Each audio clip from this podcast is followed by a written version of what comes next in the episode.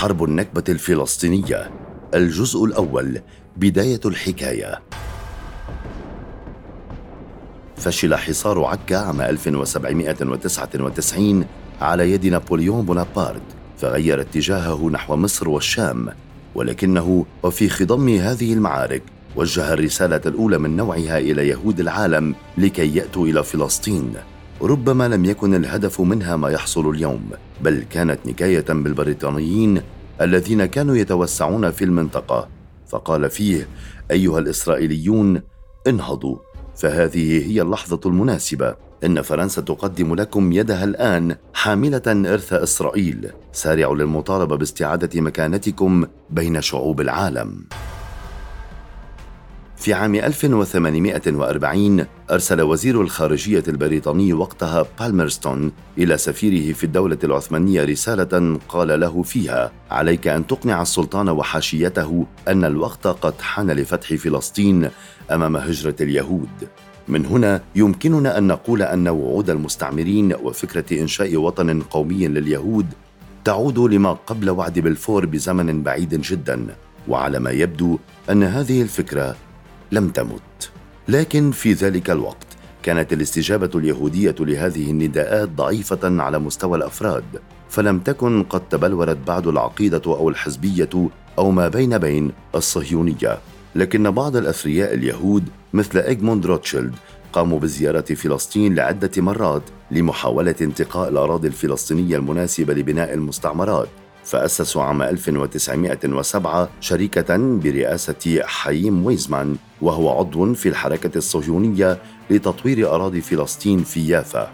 وعلى ذكر الصهيونية فالصهيونية استقت اسمها من جبل صهيون الواقع في فلسطين ولكنها ليست نوعا حزبيا وليست نوعا عقائديا بل هي متغيرة مع تغير الظروف. بالتالي فهي لا تملك مبادئ حزبية ثابتة أو عقيدة غير متغيرة وهي بنت الصهيونية البريطانية التي كانت تعتبرها أداة لها.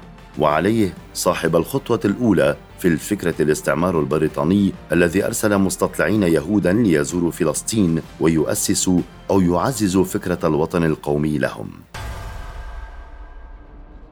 عام 1907 رئيس الوزراء البريطاني كامبل بانرمان قال التالي يتعين علينا أن نضع في هذه المنطقة على مقربة من قناة السويس قوة معادية لأهل البلد وصديقة للدول الأوروبية وعليه لم تكن فلسطين وحدها المستهدفة بل كافة الدول المحيطة بها. بعد أن أنشئت الشركة التي ذكرناها استطاعت أن تشتري أرضا بمساحة 200 ألف دنم في منطقة تسمى مرج عامر. وهناك تمت عملية التهجير الأولى التي عرفها التاريخ الفلسطيني الحديث.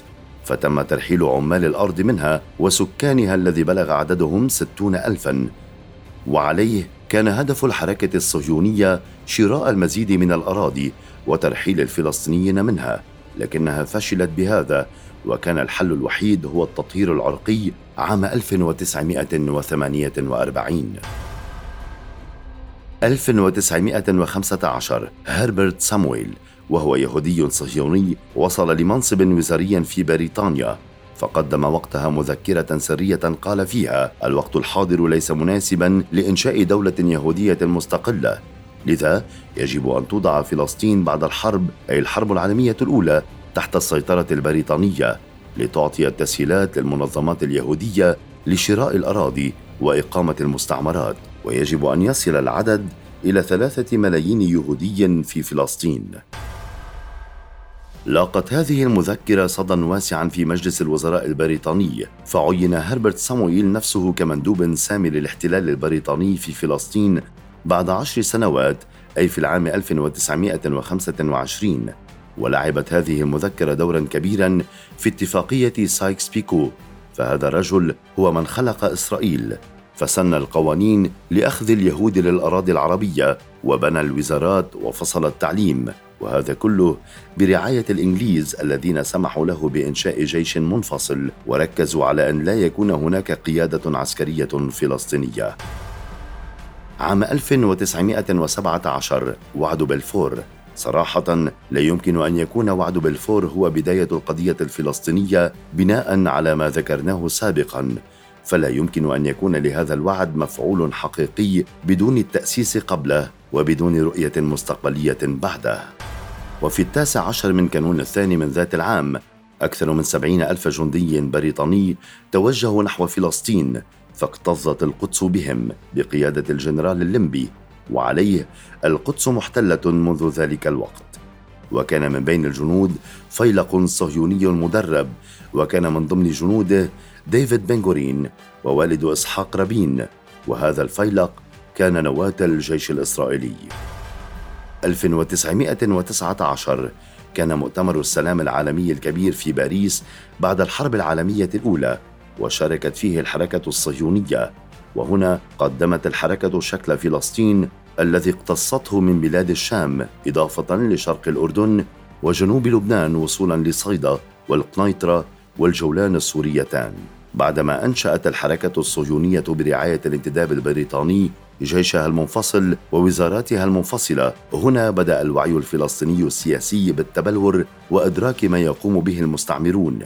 فكانت بداية الثورات الفلسطينية ضد الاحتلالين إن صح التعبير. 1929 ثورة البراق الفلسطينية ففي ذات العام اجتمع عدد من الحاخامات اليهود أمام حائط البراق في تجمع نظمته المنظمة الصهيونية لإعادة بناء الهيكل. هذه الوقفة أو هذا التجمع أثار الشعب الفلسطيني فكانت ثورة البراق وهي الثورة الفلسطينية الأولى في وجه الاستعمار بقيادة فرحان السعدي والتي جوبهت بقمع لا محدود لوأد أي فكرة ثورة أخرى فتم إعدام ثلاثة من قادتها. تصاعد الغضب الشعبي خاصة في العام 1933 حيث كان يرى الفلسطينيون أن أراضيهم تذهب. وأن هذا العام وصولا للعام 1939 كان العصر الذهبي للهجرة اليهودية إلى فلسطين. بالتالي الهجرة حدثت قبل الهولوكوست وليس بعده. هذه الخطوة تبعها خطوات مثل تجنيس اليهود المهاجرين بالجنسية الفلسطينية وهذا بهدف إكثار اليهود في البلاد بهدف الوصول لمرحلة النكبة التي حصلت عام 1948 يمكن القول أن ما ذكرناه سابقا كان التأسيس الذي جرى لبداية الحرب على فلسطين وعليه فإن النكبة ليست عام 1948 بل يمكن القول أنها ممتدة منذ ما قبل هذا التاريخ.